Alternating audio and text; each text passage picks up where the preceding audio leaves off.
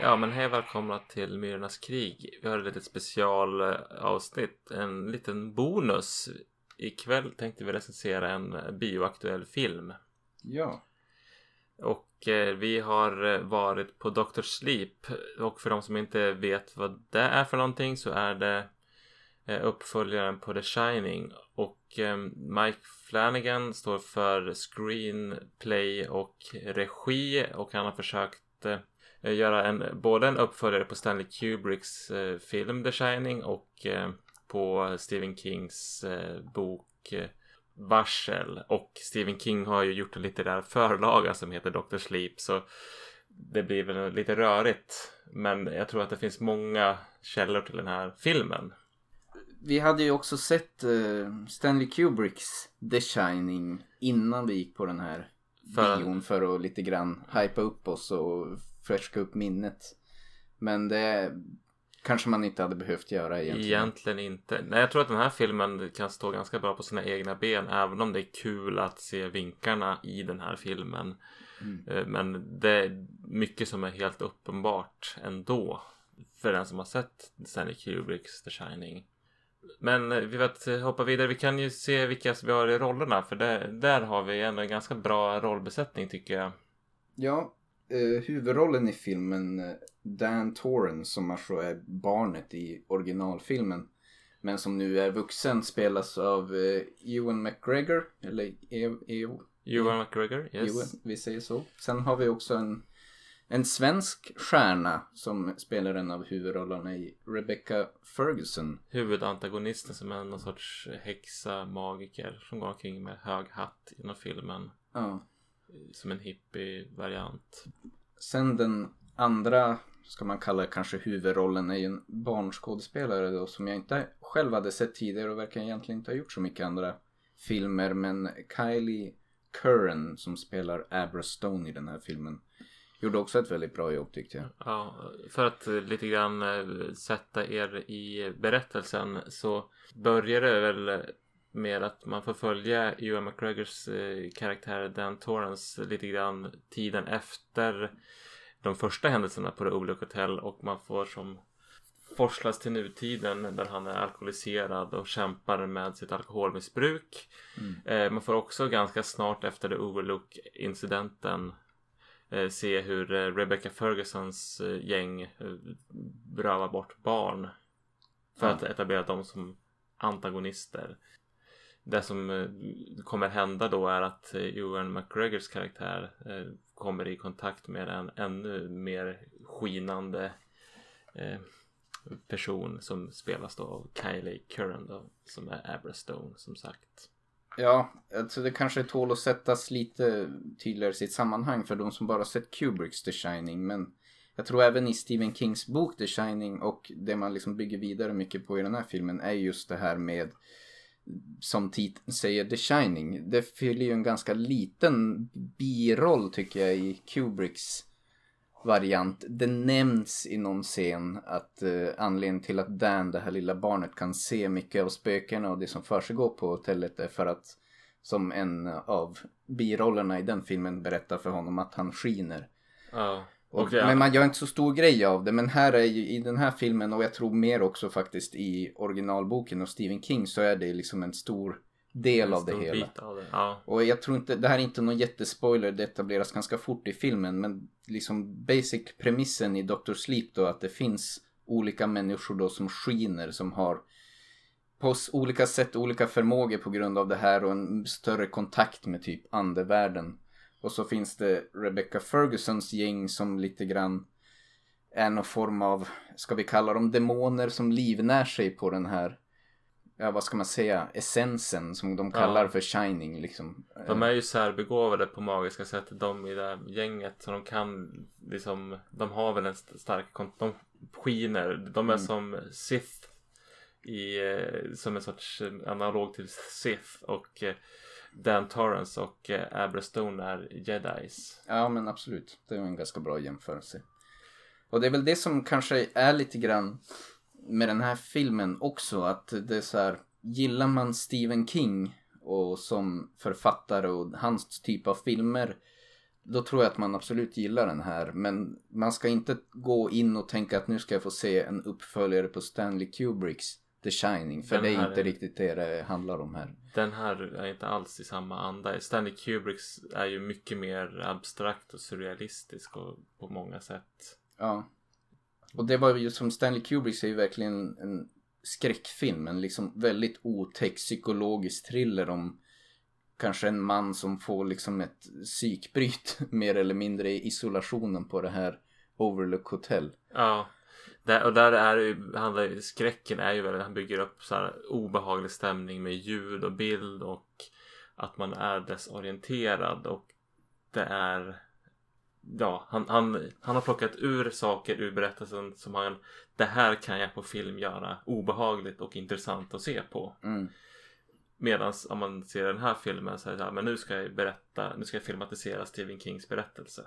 Ja men absolut. Det är nog det som är den stora skillnaden tror jag. Och, där, och det här känns mer liksom som en typ mer äventyrsberättelse i samma anda som kanske Stephen Kings The Stand eller som du var inne på faktiskt Star Wars med liksom den här ultimata kampen mellan det onda och det goda i de här olika personerna som skiner som ska liksom på något sätt förs samman för någon kamp om Ja.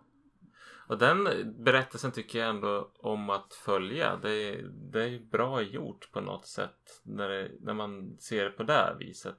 mm, Sen har jag, hade jag enorma problem med att den här Flanagan inte riktigt litar på tittarna. Att eh, man visar i bild saker och för säkerhets skull så ska det förklaras i dialog.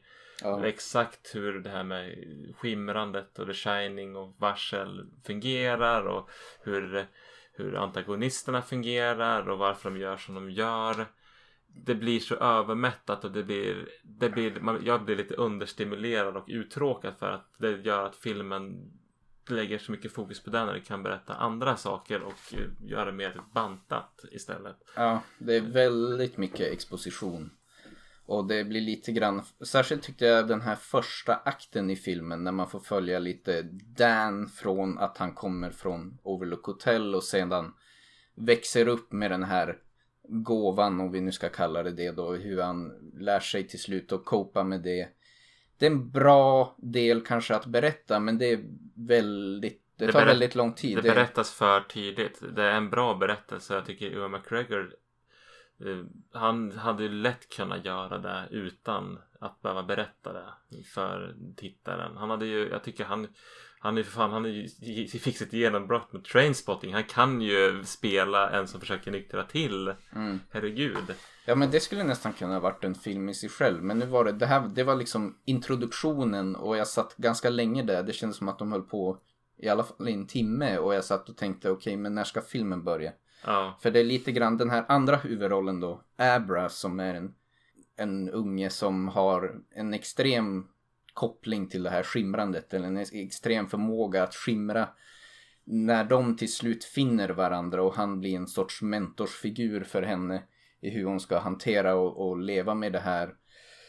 Det är liksom där någonstans jag upplever att okej men nu börjar filmen, nu börjar man liksom komma igång och det, det tar ganska lång tid innan man kommer dit. Jag Ja. säger inte att det som är innan är onödigt Nej, men man det hade inte- kunnat komprimeras. liksom. Absolut, för man, för ett, jag vet inte hur lång tid, jag satt inte och klockade, men det är som man etablerar Dan, man etablerar Abra och sen etablerar man de här demonerna och jag tycker alla de behöver presenteras för tittaren för att, man, för att resten av filmen ska bli spännande. Mm. Och jag tycker om att så här, jag, jag lär känna antagonisterna och jag kan på ett sätt förstå vad så här, därför gör de det. De har dödsångest och de är tvungna att göra det de gör. Ha ihjäl barn och ta deras skimmer för att Mm. fortsätta leva sin, och vara i sina århundraden ut. Mm. För att de är så, har, drivs av det här. Och jag tycker, det tycker jag sätter dem ganska bra. Men de hade kunnat gjort det mycket mer effektivt. Och då gjort, ja, det tappar tempo för att de för att man vill ju att komma in i nästa akt Ja. i den här filmen där det liksom börjar hända saker.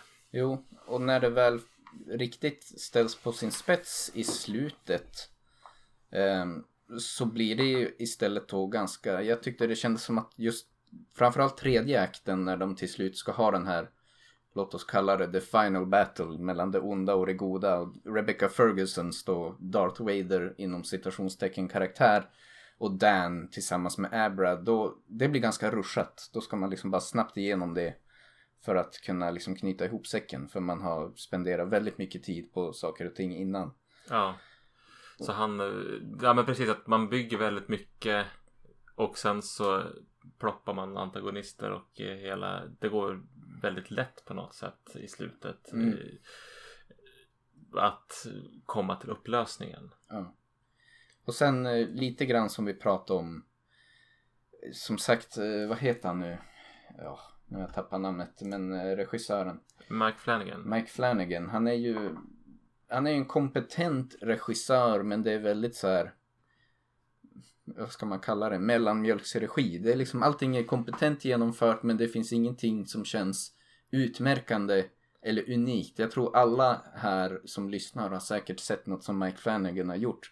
Men det är aldrig så att någon bara, just det, Mike Flanagan. Han har ingen speciell prägel. Vilken gjort, visionär. Han, han, han är en kompetent regissör som kan hantera kameran. Han kan berätta saker hyfsat bra. Efter den här filmen så ifrågasätter jag det. Men han har gjort eh, Gerald's Game, en annan Stephen King-filmatisering som var helt okej. Okay. Han har gjort Hush som är som, ja men ganska okej okay thriller men mm. eh, ja, den sticker inte ut och han har gjort eh, The Haunting of Hill House som nog, jag vill säga det bästa han har gjort. Som, men ändå liksom, det sticker inte ut så mycket men det är ändå helt okej okay gjort skräck och han har respekt för genren. Yeah. Men och jag tror det... att vi kanske, man gick in där lite grann med Stanley Kubricks briljanta regi i The Shining. Han har som... inte egensinne och envishet som gör att han går, gör en input medan Mike Flanagan inte gör något särskilt avtryck på det här sättet. Nej, och det, ja, jag var väl som lite, initialt lite besviken. Jag tycker liksom Dr. Sleep historien är intressant. Men man, har man primat sig med liksom Stanley Kubricks The Shining så är risken att man blir besviken för det här är, det här är någonting annat. Nej men, men sen så tycker jag men det är det finns många snygga övergångar och lösningar på skinandet och det finns eh, bra skådespeleri. Jag tycker att eh, Ewan McGregor gör sin roll bra. Jag tycker Rebecca Ferguson är väldigt bra i sin roll som den här ondingen och det Abra. Abra är också väldigt bra så det är ju jag tycker ju att det, det finns ju mycket här att se som är värt att eh, titta på. Mm. Och eh, det är ju inte en dålig film men jag tror att den hade egentligen tjänat på att inte vara uppföljare till The Shining. Men då kanske färre hade sett den.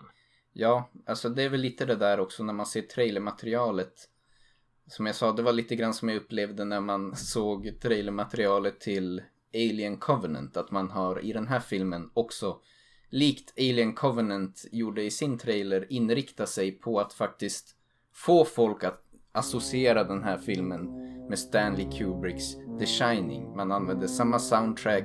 Väldigt mycket av trailermaterialet som visas är liksom från The Overlook Hotel.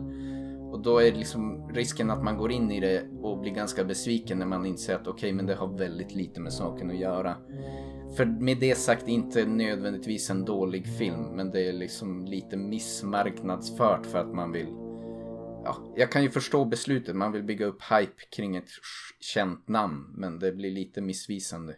Ja, man får väl tänka att de som gör trailers, de har, det är ju en annan del av eh, filmskaparna. De är, har ju inte med Mike Flanagan och de som är mer kreativa av själva filmen. Utan de vill ju bara sälja den här filmen. Och vad är det som säljer den här filmen? Yeah. Det är kopplingen till The Shining. Det har de, den analysen de antagligen har gjort. Yeah. Jo, och det var ju som sagt var med Covenant. Jag till och med tog med min farsa och såg den filmen för jag tänkte att nu jäklar, han gillar mycket Alien. Jag älskar Alien. Och där var också trailermaterialet. Det var liksom klaustrofobiskt. Det var smutsiga rymdskepp och det är Alien som jagar dem runt på rymdskeppet. Så tänker man okej, okay, nu har de förstått essensen av vad Alien-filmen är. Liksom en rymdslasher. Och så är det allt andra bullshitet som är i trailern så är det klart. Ja, alltså hela, allt som visas i Covenant-trailern var liksom de sista typ två minuterna av filmen och allting annat är bara någon annan filosofisk smörja. Men nog, nog om det. Jag ska, jag ska ha min rant om Alien i en annan podd. Ja. Men, men de gjorde lite grann samma grej här. Att allt det här tydligt kopplade till The Shining källmaterialet kommer i de sista typ 5-10 minuterna Ja, av filmen. det finns, jag tycker han använder, det, det finns ju den här klassiska badrumsscenen i The Shining där eh, Jack Nicholson möter den här kvinnan som förvandlas till en hagga. Mm. Eh, den används ju väldigt mycket i den här filmen. Och, och det är också ett speciellt ljud i den scenen som skapar ett obehag. Mm. Och det känns lite grann som att ja, men, har man den här hjärtslagen då blir det obehagligt per automatik. Så den där används också väldigt mycket. Man försöker ta det till att skapa nu. Att, och det, det tycker jag är fel för att det gör hela tiden att jag förväntar mig att nu ska det hända någonting. Mm. Så att man hela tiden, och så blir man besviken. Eller jag blev ständigt besviken för att det tog, tog inte skruv som det gör i The Shining. Eh, ja, men med det sagt, det finns en del blinkningar till The Shining och ibland så vinner inte filmen på det. Men jag tycker att det finns ganska roliga blinkningar när till exempel Dan söker jobb på ett ställe så är det som en kopia av scenen när Jack Torrance söker jobb typ på The Overlook Hotel Mm. och så vidare. Det låter som att vi är väldigt besvikna på den här filmen. Vi kanske mer har tagit upp och pratat mycket om lite av problemområdena i filmen. Jag tycker att den är sevärd. Jag ger den en stark tvåa av fem, vilket inte låter så bra men ändå är helt okej. Den... Men man ska nog se det som en Stephen King-film, inte som en uppföljare till The Shining. Ja, jag hade nog till och med varit beredd att kanske ge den en trea. Men som sagt, jag gick in med lite... Jag försökte att inte ha några förväntningar men som sagt, vi hade sett Kubricks The Shining som en av mina absoluta favoritfilmer. Ganska precis innan vi gick och såg den här. Och då är det lätt att bli lite besviken. Men med, med lite distans kring det så ser det som en Stephen King-film. Inte som en Stanley Kubrick-film. Och som en Stephen Film- King-film betraktad så är det en ganska bra film. Och jag gillar de filmerna också. De är lite mer barnsliga på ett sätt. Cheesy. Och det är lite mer åt äventyrshållet än skräckhållet. Men, men det är en underhållande film. Och jag tyckte ja, skådespelarna överlag gjorde ett väldigt bra jobb. Jag tyckte egentligen ingen som jag störde mig så väldigt mycket på. Och Nej. hon den här barnet framförallt vill jag ju som lyfta fram. Hon tyckte jag gjorde ett fantastiskt jobb. Så jag tror att hon har en bright future i branschen. Ja, och hon är, det, jag vet inte om det är hon och om det är regin eller allting. Den karaktären, Abra, känns som... Det kändes kul att se en karaktär som är en protagonist som ändå har så mycket mörker i sig och som spelas av ett barn. Mm. Om det är någon, det är sällan jag tycker man, jag, får se något sånt på film. Det är, ja, det här, det här var ett guldkorn ändå. Ja, Absolut. men eh, så att det är, det är en bra film. Men som sagt, se det som en Stephen King-film. Ja, Då, då kommer ni nog att bli nöjd. Men yes. förvänta er inte något Kubrick. Men om man, på tal om Kubrick, om vi bara le- har ett tankeexperiment. Om vi skulle låta någon annan göra The Shining och liksom vill göra Kubrick rättvisa. Vad ska man, vem ska man sätta det, i vilka händer ska man sätta det då för att få, hur, hur lever man upp till en sån film liksom? Ja, jag tror att det, det går ju liksom inte att göra en film som går i, har samma klangbotten och feeling. Mm, Det tror jag är svårt. Det är ingen som är som Kubrick tycker jag. Som har den, den stilen. Så det, då, då tänker jag, när vi gick från bio så lekte vi lite grann med tanken. Ja, men man, vilken ska man sätta för att göra? eh, Vilken prägel skulle vi vilja ha på Dr. Sleep och The Shinings uppföljare? Eller att säga att man har en stor filmskapare som får göra sin tagning på Dr. Sleep. Mm, Min första tanke var ju typ Quentin Tarantino men det var mer bara för att han låg i, nära till hands i huvudet på mig. Jag Ja. tror inte att det skulle bli något spännande att se. Nej, alltså jag är ju lite sådär Det måste, det är som du säger, det, det är ingen idé att försöka kopiera Kubrick utan det bästa hade varit att låta någon sån här lite annan udda visionär få göra liksom sin. Jag var ju inne på Chun-Wook Park personligen skulle jag gärna se en tolkning av The Shining. Han som har gjort Vengeance-trilogin med Oldboy och Lady Vengeance. Och det känns som att de filmerna också så här som är väldigt särpräglade, unika filmer som, eh, det skulle vara intressant att se en sån, en sån typ av regissör göra Ja, han kan blanda cheesiness och mörker på ett väldigt bra sätt. Mm. Jag tänkte Lars von Trier skulle säkert kunna göra en bra, Ja men, lite klyschigt att säga kanske. Men Ja. det tror jag ändå han, menar, man tänker han har gjort Riket. mm. Så det är ju som hans Overlook Hotel kanske. En som är, när jag tänker efter, jag såg Personal Shopper på, som finns på Netflix by the way. Den såg jag för någon vecka sedan. Den är gjord av Olivier Assayas, tror jag han heter. Och den, eh, han är lite mer minimalistisk i sitt filmskapande men där hade, det som jag gillade med den filmen är att den det är, man får gå och titta på filmen för att förstå vad jag menar kanske men där är det liksom ett långsamt berättande där man liksom det är inte så dialogtungt utan man följer bara efter och tittar på bilder och ser vad som händer Mm. eh, när karaktärer gör olika saker och det är väldigt mycket show don't tell där Mm. eh, och det tror jag det kan ha blivit en spännande och visuellt snygg Dr. Sleep utav Jag tror ju annars en regissör som jag faktiskt inte har namnet på men eh, Mandy som vi såg. ja just det, Det kändes som den eh, där typ av regi, regi skulle kunna göra sig bra för en sån här typ av film. Om man vill göra det lite mer åt det Kubrick-eska hållet med mer av det här drömska, eh, ja vad ska man säga, abstrakta liksom filmskapandet. Att den är ju som väldigt utmärkande på Den det har ju viset. otroligt fin visuell, visuell framställning, otroligt bra soundtrack. Där tror jag att, där, att bygga stämningar är... Ja, då skulle man ju vilja ha... Han har gjort eh, Beyond the Black Rainbow som jag inte har sett än. Som jag är otroligt sugen på att se. Eh, eh, jag ska bara kolla vad han heter. Eh, Panos Cosmatos. Panos Cosmatos, just det. Han skulle ha gjort en... Ja, det finns några som hade varit väldigt intressant att se göra den här filmen. Mm. Som det hade blivit väldigt spännande att... Men jag tycker väl så här. Se. Dr. Sleep står på sina egna ben. Det är en bra film. Jag kan definitivt rekommendera den. Men jag skulle inte ha emot att se liksom låta någon annan få göra sin mer radikalt annorlunda tolkning av ett sånt här manus också. Och se vad som hände. Ja, det känns som att det, det finns många sätt man kan ta vidare den Alltså, här att filmen. man tar stafettpinnen på Ja. något vis. Eh, ja, eh, vad som har, kommer ut härnäst i våran podd är väl Island. För vi, den är väl in the doing. Ja, Island, Island är inspelat. Det är lite klippning och, och rodda med sånt som behöver fixas med. Men den eh, siktar vi på att släppa mot slutet av månaden. Mm. Enligt vårt normala schema så att säga. Det här blev väl mer bara en liten extra extra grej. Försöka få ut den här podden medan filmen fortfarande är lite aktuell. Yes. Eh, ett PS, vad tyckte du om trailern till Black Christmas som kommer ut snart? i säsongen? ja, nej. Nej. Jag tappade nästan helt intresset när jag såg trailern. Det Ja. var som... De jagade mördaren med pilbåge. Se den Black Christmas eller eh, All, ja, Allhelgons blodiga natt heter den inte. Men den heter något liknande på svenska. Mm, Den har jag på Blu-ray och jag är sugen på att se om. Men det kanske blir nästa jul vi får se den. absolut. Specialavsnitt då.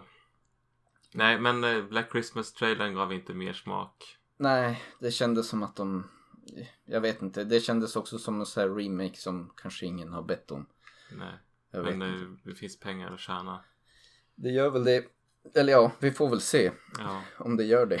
Det visar sig snart. Precis, jag undrar hur länge man kommer kunna tjäna på att göra, släppa Stephen King. Det känns som att när It kom ut och gjorde en sån jäkla bra så, braksuccé så känns det som att man bara prångade ut hur mycket Stephen King-filmer som helst. Mm. Vi har ju sett eh, It i, i höst del två.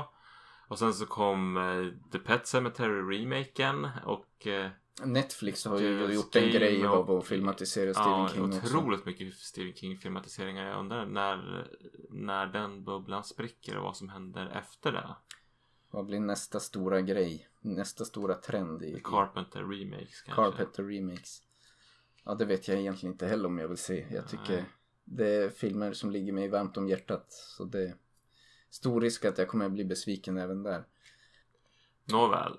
Det har, vi har väl inte så mycket mer att tillägga. Nej, sammanfattningsvis, eh, gå gärna och se filmen. Jag tyckte det var en, det var en okej film. Men var beredd på att det inte är en Kubrick-film utan det är en Stephen King-film. Mm. Det är väl egentligen det. Och den är ganska mysig. Är du ute efter jump scares så är det någon enstaka.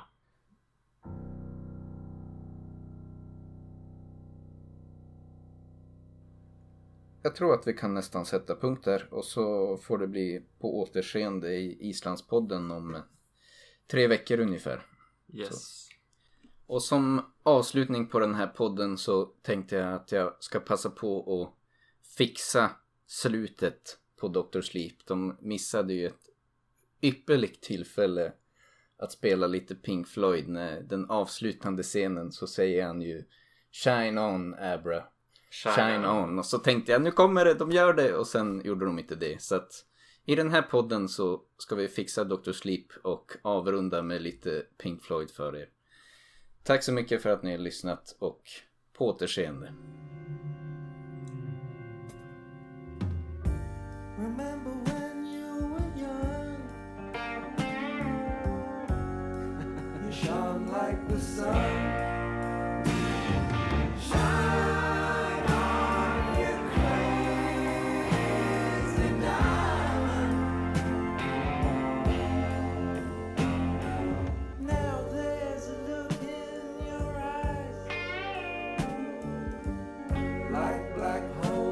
sky.